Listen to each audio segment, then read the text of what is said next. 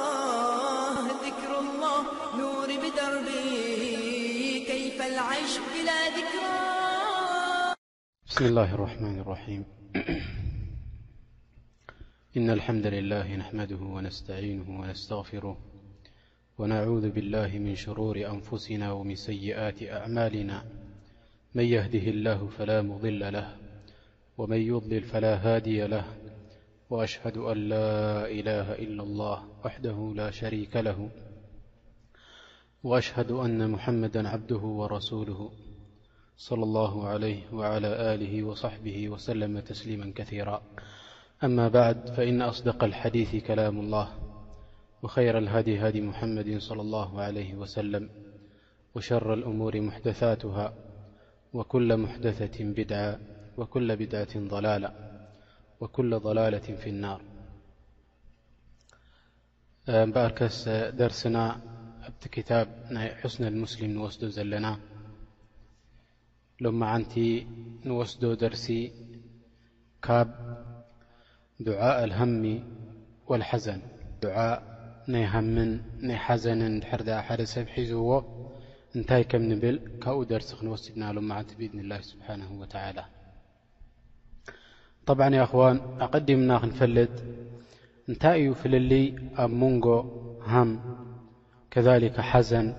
ከሊካ ከርብ እዚ ኩሉ እዚታት ሲ እንታይ እዩ ፍልልይ እዩ ዝብል ሕቶ ይመፅእ ይኸውን ሃም ማለት ኣኽዋን እንታይ ማለት እዩ ሃም እንድሕር ዳ ኢሉ ሓደ ሰብ ሓቲቱ ሃም ማለት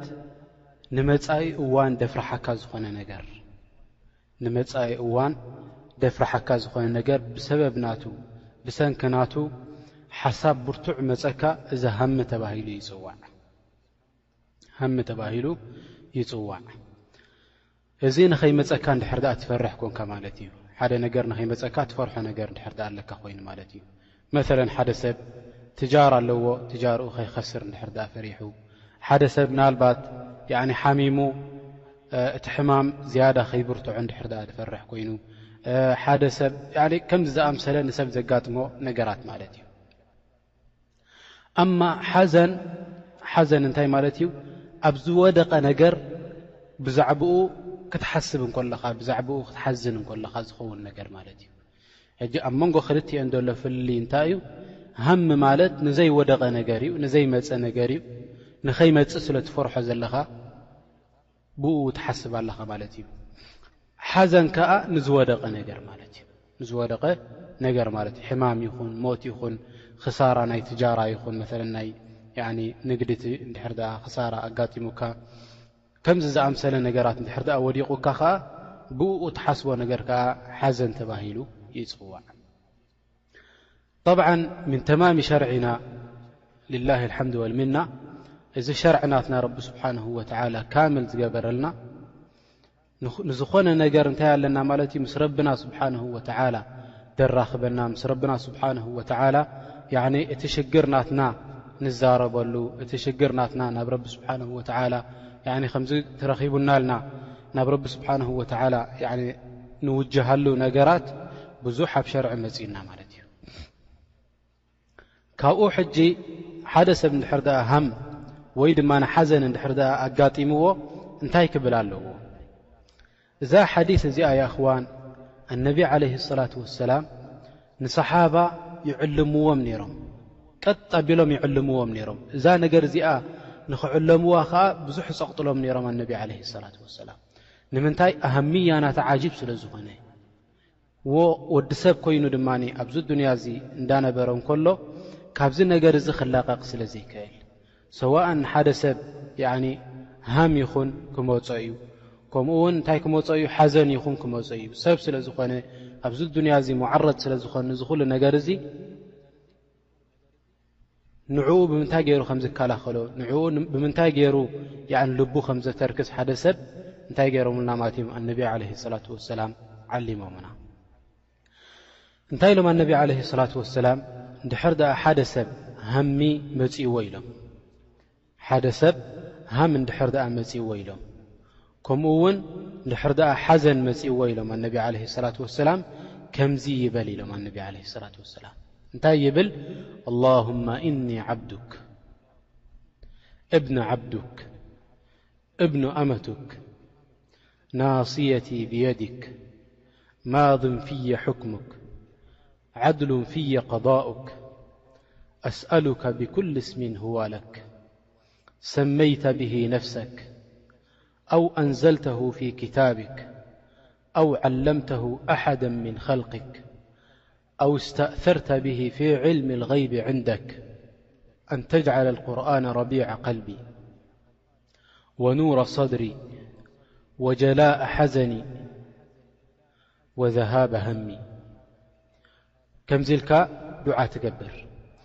ኣብቲ መጨረሻ ናይዚ ዱዓ እዚ እንታይ ኢሎምና ኣነቢ ዓለይሂ ሰላቱ ወሰላም ሓደ ሰብ ንዚኣ እንድሕር ደኣ ኢልዋ ድሕሪ እቲ ሽግር መሰጋጠሞ ሃም ይኹን ወይ ሓዘን ይኹን እንድሕር ደኣ መጺእዎ እዚኣ እንድሕር ደኣ ኢልዋ ኢሎምና ኣነቢ ዓለይሂ ሰላቱ ወሰላም ኢላ ኣድሀበ ኣላሁ ሃመሁ ነቲ ሃሚ ናቱ ረቢ ስብሓንሁ ወተዓላ የልግሰሉ ኢሎም ኣነቢ ዓለይሂ ሰላት ወሰላም ወኣብደለሁ መካነሁ ፈራሓ ኢሎም ኣብቲ ሓዘን ዝነበሮ ኣብቲ ሃሚ ዝነበሮ እቲ ቦታ ናቱ እንታይ ረቢ ስብሓንሁ ወተዓላ ይቕይረሉ ኢሎምና ሓጎስ ይቕይረሉ ረብና ስብሓንሁ ወተዓላ ኢሎምና ያኒ ካብቲ ዝነበሮ ሃም ካብቲ ዝነበሮ ሓዘን ረቢ ስብሓንሁ ወተዓላ እንታይ ይቕይረሉ ያኒ ሓጎስ ንዚ ሰብ እዚ ይቕይረሉ ኢሎምና ማለት እዩ ኣላሁ ኣክበር ንርኣይ ሕጂ እንታይ ዓይነት መዓኒ ከም ዘለዎ እዚ ዱዓ እዚ ዝገበርዎ ነቢ ዓለ ሰላት ወሰላም እዚ ዱዓ እዚ ንክንገብር ዝዓለሙና ኣነቢ ዓለ ሰላት ወሰላም እንታይ ኢሎም ኣላሁማ እኒ ዓብዱክ እንታ ጎይታይ ያ ኣላህ ትብል ኣለኻ ኣነስ ናትካ ባርያ እየ ትብሎ ንረቢ ስብሓን ወተላ እንታይ ትገብር ኣለኻ ትእመን ኣለኻ ኣነስ ናትካ ባርያ እየ ትብል ኣለኻ ድሕሪ እዚ ኩሉ እዚ ድማ እቲ ናትካ ተዘሉ ላ ስብሓን ወተላ መስከና ተርእዮ ዘለኻ ንረቢ ስብሓን ወተላ ኣብ ልዕሊኡ ድማ እንታይ ትውስኽ በል ኣነ ጥራሕ ኣይኮንኩ ናትካ ባርያ እንታይ ደኣ ከሊከ እብኑ ዓብዱክ ከምኡውን ናይቲ ባርያኻ ውላድ እየ ውን ኣነ እንትብሎ ኣቦይ ውን ናትካ ባርያ እዩ ትብሎ እብኒ ኣመቱክ ያኒ ኣማ እንታይ ማለት እዩ ብሉቃ ዓረብያ ንጓል ንስተይቲ ንድሕር ዳኣ ወዲ ተባዕታይ ዓብድ ተባሂሉ ጓል ንስተይቲ ከዓ ኣማ ትበሃል ያኒ ክልቲኡ እንታይ ማለት እዩ ባርያ ማለት እዩ ክልቲኡ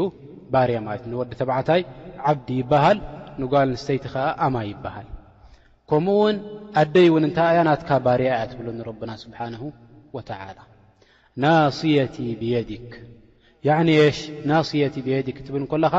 ቁፅፅር ናተይሲ ኩሉ ኣብ ኢድካ እዩ ደሎ ትብሎ ንረቢ ስብሓነሁ ወተዓላ ድላይካ ክትገብረኒ ትኽእል ንስኻ ትብሎ ንረቢ ስብሓነሁ ወተዓላ ማድን ፍየ ሕክሙክ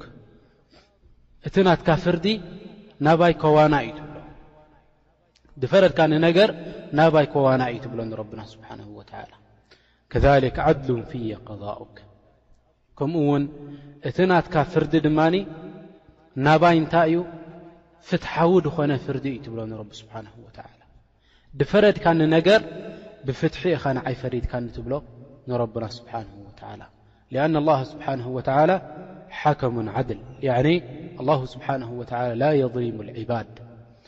ንወላ ሓደ ፍጡር ረቢ ስብሓነሁ ወተዓላ ኣይዕምፆን እዩ ረብና ስብሓነሁ ወተዓላ። በል ኣላሁ ስብሓነሁ ወተዓላ ሓደ ሰብ እንድሕር ደኣ ፅቡቕ ገይሩ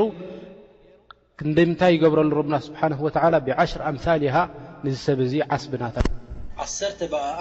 ዓስቢ ናታ ረቢ ስብሓነሁ ወተዓላ ይህቦ። እንድሕር ደኣ ሕማቕ ተግባር ገይሩ ከኣ ኣላሁ ስብሓነሁ ወተዓላ እንተ ደልዩ ይምሕሮ እንተ ደልዩ ከኣ ልክዕ በታ ዝገበራ ጌጋ ብኣኣ ይቐጽዖ። ረብና ስብሓነሁ ወተዓላ ከንዲታ ጌጋ ናቱ ማለት እዩ። ፈላሁ ስብሓነሁ ወተዓላ ላ የዝሊሙ ልዒባድ። ሕጂ እንታይ ይብል ኣሎ እዚ ድፈረድካኒ ፍርዲ ንዓይ ከኣ እቲ ፍርዲ ናትካ ፍትሓዊ እዩ ትብሎ ንረብና ስብሓነሁ ወተዓላ። ብድሕሪ እዚ ኩሉ ምስ ሞጎስካዮ ንረቢ ስብሓነሁ ወተዓላ በቲ ዝበለፀ ሽም ምስ ፀዋዕካዮ ንረቢ ስብሓነሁ ወተዓላ መሊስካ ከዓ እንታይ ትገብር ኣለኻ ማለት እዩ ሕጂ ናብ ልመና ትጅምር ክትልምኖ ከለኻ ድማ ብሞጎስ ጌርካ ትልምኖ ኣለኻ እንታይ ትብል ኣስኣሉክ ሓተካ ኣለኹ እንታ ጎይታይ ትብሎ ንረብና ስብሓነሁ ወተዓላ እልምነካ ኣለኹ እንታ ጎይታይ ትብሎ ንረብና ስብሓነሁ ወተዓላ ኣስኣሉካ ብኩል ስሚን ሁዋ ለክ በቲ ኩሉ ሽም ናትካ ሽም ናይ ረቢ ስብሓነሁ ወተዓላ እንታይ እዩ ክብረት ድመልኦ ሽም እዩ ክብረት ድመልኦ ሽም እዩ ስለዚ በቲ ኣስማት ናትካ ክብረት ድመልኦ ሽም ብእኡ ገይረ ይፅዋዓካ ኣለኹ ብእኡ ገይረ ይልምነካ ኣለኹ ብእኡ ገይረ ይሓተካ ኣለኹ ትብሎ ንረብና ስብሓነሁ ወተዓላ ኣስኣሉካ ብኩል ስሚን ህዋ ለክ ሰመይተ ብሂ ነፍሰክ በቲ ንነብስኻ ዝጸዋዕካዮ ሽም ብእኡ ገይረ ይጽውዓካ ኣለኹ ትብሎ ንረብና ስብሓንሁ ወተዓላ ኣው ኣንዘልተሁ ፊ ክታብክ ወይ ከኣ እቲ ኣስማት ናትካ ኣብቲ ክታብ ናትካ ነቶም ኣንብያእ ደውረድካሎም ዋሒ ጌርካ ዘውረድካሎም እቶም ኣንብያእ ናትካ ነቶም ሩሱል ናትካ በቲ ኣስማት እቲ ዘውረድካዮ ብእኡ ገይረ ይጽውዓካ ኣለኹ ትብሎ ማለት እዩ ብኹሉ ኣስማት ናይ ረቢ ስብሓነሁ ወተዓላ ጌርካ ንረቢ ስብሓነሁ ወተዓላ ትልምኖ ኣለኻ፣ ንረቢ ስብሓነሁ ወተዓላ ናብኡ ትባጻጻሕ ኣለኻ፣ በቲ ሽም ናቱ ጌርካ ማለት እዩ። ኣው ዓለምተሁ ኣሓደ ሚን ኸልቂክ ወይ ድማ ንሓደ ፍጡር ናትካ መላኢካታት ይኹኑ ወይ ድማ ኣንብያእ ወሩሱል ይኹኑ ንዓኣቶም ድዓለምካዮም ብኡኡ ጌረ ይጽውዓካ ኣለኹ ትብሎ ንረብና ስብሓነሁ ወተዓላ። ኣው እስተእሰርተ ፊ ዕልሚ ልገይቢ ዕንደክ ወይ ድማ ንደቂ ሰባት ይኹን ንኣንብያእ ይኹን ደይነገርካዮም ብዛዕባ ሽም ናትካ በቲ ንስኻ ትፈልጦ ናይ ነብስኻ ሸም ብእኡ ገይረ ይፅዋዓካ ኣለኹ ትብሎ ብእኡ ገይረ ይልምነካ ኣለኹ ትብሎ ንረብና ስብሓንሁ ወተዓላ ሕጂ እንታይ የረዳኣና እዚ ኣላሁ ስብሓንሁ ወተዓላ ከምቲ ኣነቢ ዓለህ ሰላት ወሰላም ዝበሉና እነ ልላሂ ትስዐን ወትስዒና እስመን ንረቢ ስብሓንሁ ወተዓላ ሲ ትስዓን ትሽዓተን ሽም ኣለዎ ኢሎም ሚእቱን ኢላ ዋሒዳ ኢሎም ሚእቲ ብጀካ ሓንቲ ኢሎም ኒ እንታይ ማለት እዩ ትስዓን ትሽዓተን ሽም ኣለዎ ረቢ ስብሓንሁ ወተዓላ ኢሎም ኣነቢ ዓለ ሰላት ወሰላም መን ኣሕሳሃ ደኸለል ጀና ኢሎም ሕጂ እንታይ ኢሎም ዑለማእ ቴስዓን ትሽዓተን ኣለዎ ክብሉ እንከለዉ ኣነቢ ዓለይሂ ሰላቱ ወሰላም ንረቢ ስብሓነሁ ወተዓላ ኣስማት እዚ እንታይ ማለት እዩ ኣብ ቁርኣን ደውረዶ ያዕኒ እቲ ንሕና ንፈልጦ ማለት እዩ ላኪን ረቢ ስብሓነሁ ወተዓላ ድፈልጦ ካልእ ኣስማት ኣለዎ ወይ ነቶም መላኢካ ድሃቦም ወይ ድማ ኣብ ነብሱ ዝሓዞ ረብና ስብሓነሁ ወተዓላ ነቶም ፍጡራት ናቱ ዘይሃቦም ኣስማት ናቱ ማለት እዩ ስለዚ እንታይ ትብል ኣለኻ በዚ ኩሉ ኣስማት ናትካ እስኻ ትፈልጦ ጌረ ብእኡ ይጽውዓካ ኣለኹ ብእኡ ጌረ ናባኻ ይባጻጻሕ ኣለኹ ይልምነካ ኣለኹ ኣንታ ጎይታይ ትብሎ ንረብና ስብሓንሁ ወተዓላ እንታይ ንኽገብረልካ ኣንተጅዓለ ልቁርኣነ ረቢዓ ቀልቢ እዚ ቁርን እዚ ዘውረድካዮ ከላም ናትካ እዚ ዘረባ ናትካ ዘውረድካልና ቁርን ልከሪም ንሱ እንታይ ግበሮ ለምለም ናይ ልበይ ግበሮ ትብሎ ንረብና ስብሓን ወተላ ያኒ እንታይ ማለት እዩ እዚ ማዕና ናቱ እንድሕር ደኣ ሓደ ሰብ ኣብ ለምለም ዘለዎ ቦታ እንድሕር ደኣ ከይዱ ዘራእቲ ዘለዎ ለምለም ዘለዎ ቦታ እንድሕር ደኣ ከይዱ እንታይ ዓይነት ፍስሃ ይስምዖ ሓደ ሰብ ከምኡ በቲ ቁርን ናትካ ከኣ እንታይ ግበረኒ ንዓይ እቲ ልበይሲ በቲ ቁርን ጌርካ እንታይ ግበሮ ፍስሃ ከም ዝስምዓኒ ደስታ ከም ዝስምዓኒ ብእኡ ግበረለይ እዚ ቁርን እዚ ትብሎ ንረብና ስብሓን ወተዓላ ኣን ተጅዓለ ኣልቁርኣነ ረቢዐ ቀልቢ ያዕኒ እዚ ቁርኣን እንታይ ግበረለይ ለምለም ግበረለይ ንዓይሲ ፍስሃ ከም ዝስምዓኒ ግበረለይ ትብሎ ንረብና ስብሓነሁ ወተዓላ ወኑረ ሰድሪ ነቲ ናተይ ሶድር ድማ ኣፍ ልበይ ድማ እንታይ ግበረለይ ኑር ግበረለይ ያዕኒ ልብኻ ኑር ክገብረልካ ንረቢ ስብሓንሁ ወተዓላ ትልምኖ ማለት እዩ ብኡ ኣየናይ እዩ ንሱ እቲ ቁርን ወጀላእ ሓዘኒ ንሱ ድማ ንቲ ሓዘን ናተይ ቅንጥጥ ኣቢሉ ደልዕሎ ግበረለይ ትብሎ ንረብና ስብሓንሁ ወተዓላ እንታይ ነቲ ቁርን ኣልከሪም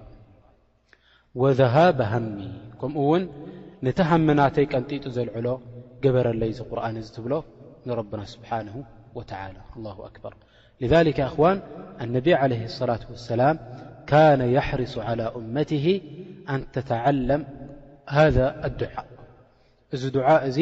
ንኽዕልምዎም ንቶም ሰሓባ ብድሕሪኦም ንሕና ድማ ንኽንዕለሞ ኣነቢ ዓለይሂ ሰላቱ ወሰላም ብጣዕሚ የሽ ብጣዕሚ ይፅዕሩ ነይሮም ሰለሏሁ ዓለይሂ ወኣሊሂ ወሰለም። ስለዚ ንሕና እውን እንታይ ክንገብር ኣለና እንድሕር ደኣ ሃም ወገም እንድሕር ደኣ መፂኡና እንታይ ክንገብር ኣለና ናብ ረቢ ስብሓነሁ ወተዓላ ክንውጃህ ይግበኣና ናብ ረቢ ስብሓነሁ ወተዓላ ክንልምን ይግበኣና በዚ ዓይነት ኣፀዋውዓ እዚ በዚ ዓይነት ለመና እዚ ንምንታይ ኣላሁ ስብሓነሁ ወተዓላ ድሕሪ ድኣ ሓደ ነገር ቀዲሩልካ ንዓኻ ንኼር እዩ ቀዲሩልካ ዘሎ እቲ ቀዲሩልካ ዘሎ ነገር ድሕሪ ድኣ ተመስኩን ጌርካሉ ተደሩዕ ጌርካሉ ንረቢ ስብሓነሁ ወተዓላ ልመና ጌርካሉ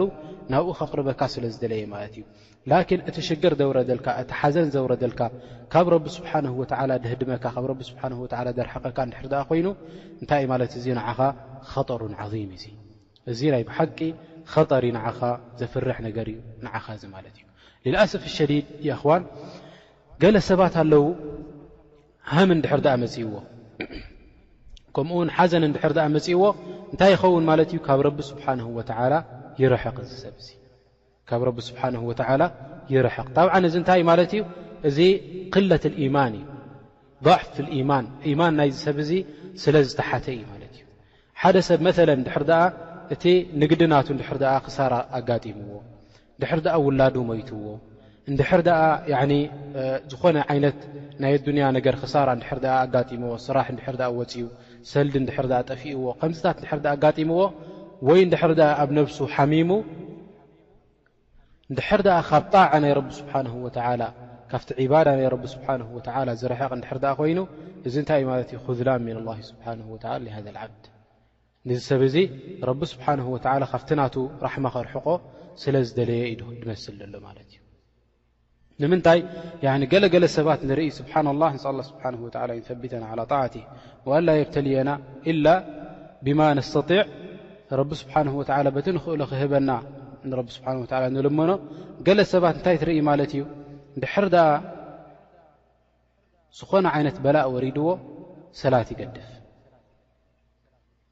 እንድሕር ሓሚሙ ሰላት ይገድፍ፣ ትጃራ እንድሕር ድኣ ከሲሩ ሰላት ይገድፍ፣ እንድሕር ድኣ ፍርሒ ዝኾነ ነገር ኣጋጢምዎ ሰላት ይገድፍ፣ ወይ ድማ ዝኾነ ዓይነት ካብ ዒባዳታት ነገር ይገድፍ። እንድሕር ድኣ ተዛሪብካዮ ንምንታይ ድዩ ትሰግድ እንድሕር ድኣ ኢልካ እስኻ ሰላት ድዩ ተራእዩካ ሕጂ ኣነ ከመይ ኣለኹ ትርእየኒ ኣለኻ እንታይ ዓይነት ሕማም ኣጋጢሙኒ ኣሎ እንታይ ዓይነት ሽግር ኣጋጢሙኒ ኣሎ ሰላት ከነርክበሉ ኢና ፅባሕ ኮይኑ ሎሚ ኮይኑ ክንሰግዶ ኢና ላኪን ዘለኒ ሽግር ክትርእይ ኣለካ ይብለካ ማለት እዩ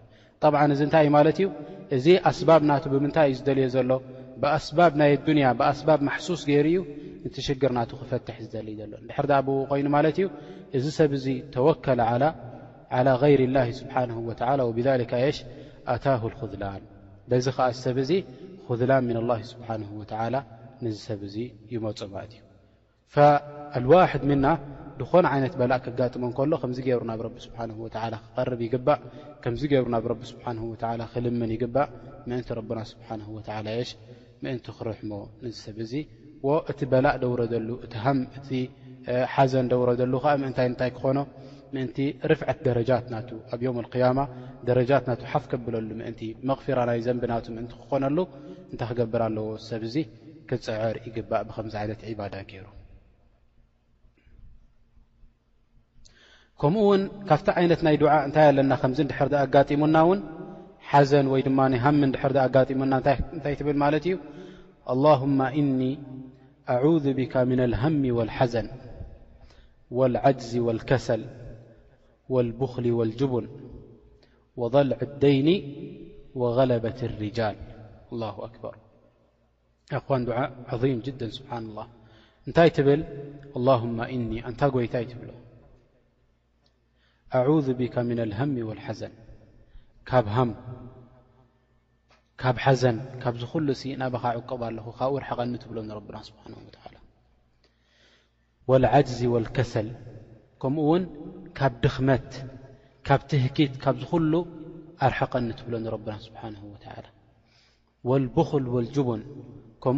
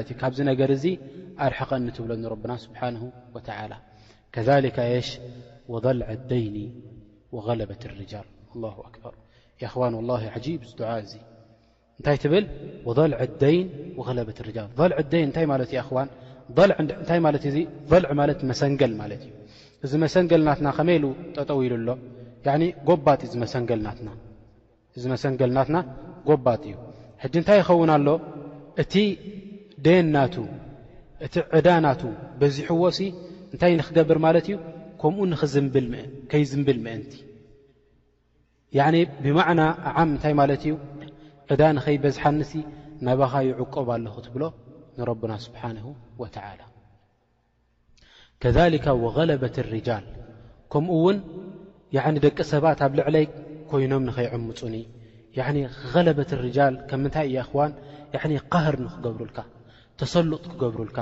ያኒ ሓደ ሰብ ኣብ ልዕሌኻ ሙተሰልጥ ክኸውን ንሱ ይእዝዘካ ንሱ ያኒ ጠጠው በል ይብለካ ኮፍ በል ይብለካ ንዓ ኪድ ይብለካ ምጻእ ይብለካ ኣብ ትሕቲኡ ንኽትከውን ኣብ ትሕቲ ሱልጣናቱ ንኽትኣቱ ማለት እዩ ከምዚ የጋጥም እዩ ያኒ ሓደ ሰብ መሰለን ያኒ ዝኾነ ነገር ገንዘብ ይእውደካ ወይ ድማ ኣብ ትሕቲኡ ኮንካ ንስኻ ትሰርሕ እንታይ ይገብረካ ዝሰብ እዚ ማለት እዩ ጸጸኒሑ እንታይ ይገብረካ ንዓኻ ያኒ ተሰሉጥ ይገብረልካ ዝሰብ እዚ ማለት እዩ ፈ ከምዚ ንኸየጋጥመካ እንታይ ትገብር? ከምዚ ንኸየጋጥመካ ናብ ረቢ ስብሓነሁ ወተዓላ ዑቕባ ትሓትት። ናብ ረቢ ስብሓነሁ ወተዓላ ዑቕባ ትሓትት። ጠይብ ከዛሊካ እንታይ ኣለና? ዱዓእ ኣልከርብ፣ ዱዓእ ኣልከርብ። ከርብ ኸዓ እንታይ ማለት እዩ? ኣኽዋን ማዕና ናይ ከርብ እንታይ ማለት እዩ? ጸበባ ማለት እዩ። ጸበባ ምስኡ እንታይ ተሓወሶ ምስኡ ያዕኒ ሃም ተሓወሶ ማለት እዩ። ሓደ ሰብ እንድሕር ደኣ ኣብ ጸበባ ወዲቑ ኣብቲ ጸበባ እንከሎ እንታይ ኣለዎ ማለት እዩ ብርቱዕ ሓሳብ ኣለዎ። እንድሕር ደኣ ኣብ ከምዚ ወዲቑ ሓደ ሰብከ እንታይ ይገብር ከመይ ገይሩ ንረቢ ስብሓንሁ ወተዓላ ይልምን?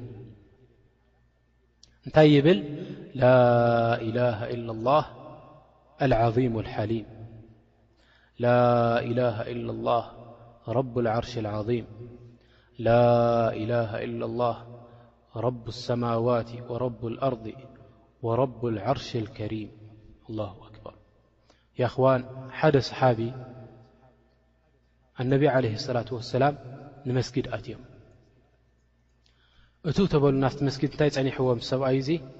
ኮፍ ኢሉ ጸኒሕዎም ኣብ መስጊድ ፈነቢ ዓለህ ሰላት ወሰላም ርኦሞ ኢሎ እሞ ያ ፉላን እንታይ ደኣ ምጽኡ ካብ መስጊድ ደኣ ወቕቲ ሰላት ኣይኮነን ሕጂ ናይ ሰላት እዋን ኣይኮነን ኣብዘይ ናይ እዋን ሰላት ኣብ መስጊድ ኣቲኻስ እንታይ ትገብር ኣለኻ ኢሎሞ ኢልዎም ያ ረሱላ ላህ ለዚመትኒ ህሙሙን ወድዩኑን ያ ረሱሉ ላህ ያ ረሱሉላህ ኢልዎም ኣነሲ ህሙም ደየን ኩሉ በርቲዑኒሲ ንሱ ዝፀበባ እዚ ምስ በርትዓኒስ ካብኡ ክሃድም ኢለ እየ ኣብዚ መስጊድ ኮፍ ኢለ ዘለኹ ኢልዎም ነቢ ዓለ ሰላት ወሰላም ዳሕራ ኢሎሞ ነቢ ዓለ ሰላት ወሰላም ያ ፉላን ዘረባ ኣለዋ እንድሕር ድኣ ንዓእተን ዓሊመካሲ ትብለን ዶ ረቢ ስብሓነሁ ወተዓላ ብእኤን ገይሩ ከኣ እቲ ዴን ናትካ የልዕለልካ እቲ ሃሚ ናትካ የልዕለልካ ትደሊ ዶ ከምኡ ክዕልመካ ኢልዎሞ ነቢ ዓለይሂ ሰላቱ ወሰላም ፈቃለ በላ ያ ረሱሉላህ ዓልመኒ እሱ እንድዩ ደኣ ዝደሊ ዘለኹ እሱ እንድዩ ዘህድመኒ ዘሎ ደኣ እሞ ኢልዎ ፈቃለ ነቢ ዓለይሂ ሰላቱ ወሰላም እንታይ ኢሎሞ ነቢ ዓለይሂ ሰላቱ ወሰላም ቁል ላኢላሃ ኢለላህ ልዓዚም ልሓሊም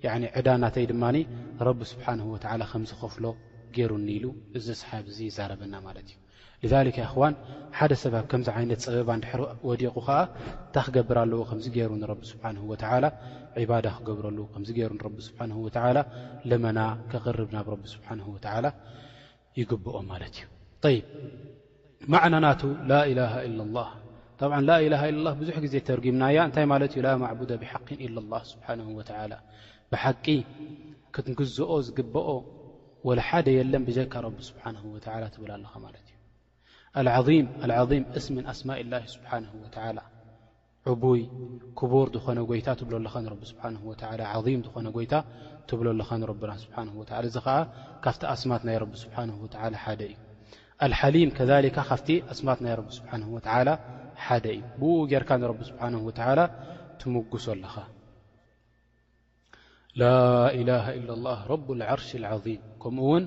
ንረቢ ስብሓነሁ ወተዓላ ብምንታይ ትምግሶ ኣለኻ እቲ ብጀካ ንዕኡ እንተዘይኮይኑ ንኻልእ ዒባዳ ዘይግባእ ዝኾነ ጎይታ ከምኡ ውን እንታይ ዝኾነ ጎይታ ንሱ ረቡል ዓርሺል ዓዚም ያዕኒ ናይ ዓርሺ ጎይታ ዝኾነ ትብሎ ማለት እዩ ንረብና ስብሓን ወላ ኣላሁ ኣክበር ኣላ ስብሓን ወተላ ፍጥረት ናትና ንድሕር ድኣ ክንሪኦ ደሊና ኣላ ስብሓን ወላ ረኣዩ የኣኽዋን መጀመርያ እዚ ሰማይን መሬትን ኩሉ ኩሉ እዚ ሰማይን መሬትን እንድሕር ደኣ ኣብቲ ዓርሽ እንድሕር ደኣ ተደርብዩሲ ከም ምንታይ ይኸውን ኢሎም ከም ሓንቲ ካትም ናይ ኢድ ከምኡ ኣብ ሳሕራእ ተደርበየት ማለት እዩ ኢሎም እቲ ዕብት ናይ ምንታይ እዚ እቲ ዕብት ናይ ዓርሽ ማለት እዩ እቲ ዕብት ናይ ዓርሺ ከም ምንታይ ማለት እዩ ከምዚ ሓንቲ ካትም ኣብ ምንታይ ተደርበየት ኣብ ሳሕራእ ተደርበየት ማለት እዩ ኣብ ሳሕራ ሙሉእ እንድሕር ድኣ ሓንቲ ካቲም ወዲቓስ ኣበይ ከም ዘላ ከማን ኣይትረኣይን ማለት እዩ ኣላሁ ስብሓንሁ ወተዓላ ዓዚም ረብና ስብሓንሁ ወተዓላ ዓዚም እዩ እቲ ፍጥረት ናቱ ድማ ንረኣይዎ ከንዲ ምንታይ ይኸውን ማለት እዩ ፈንረቢ ስብሓንሁ ወተዓላ እንታይ ትገብር ኣለኻ ያዕኒ ትምጉሶ ኣለኻ በቲ ፍጥረት ናቱ ጌርካ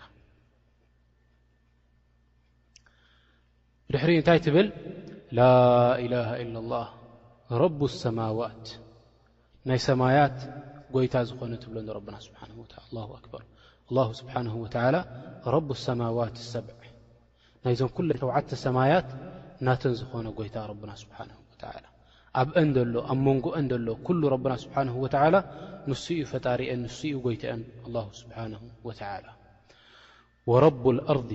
ከምኡ ውን ናይ ምንታይ ናይዘን ኩለን መሬት ድማ ሸውዓተ መሬት ናተን ድማ ጎይታ እዩ ኣላሁ ስብሓንሁ ወተዓላ ወረቡ ኣልዓርሽ ኣልከሪም ከምኡ ውን ናይዚ ዓርሽ ናቱ ድማ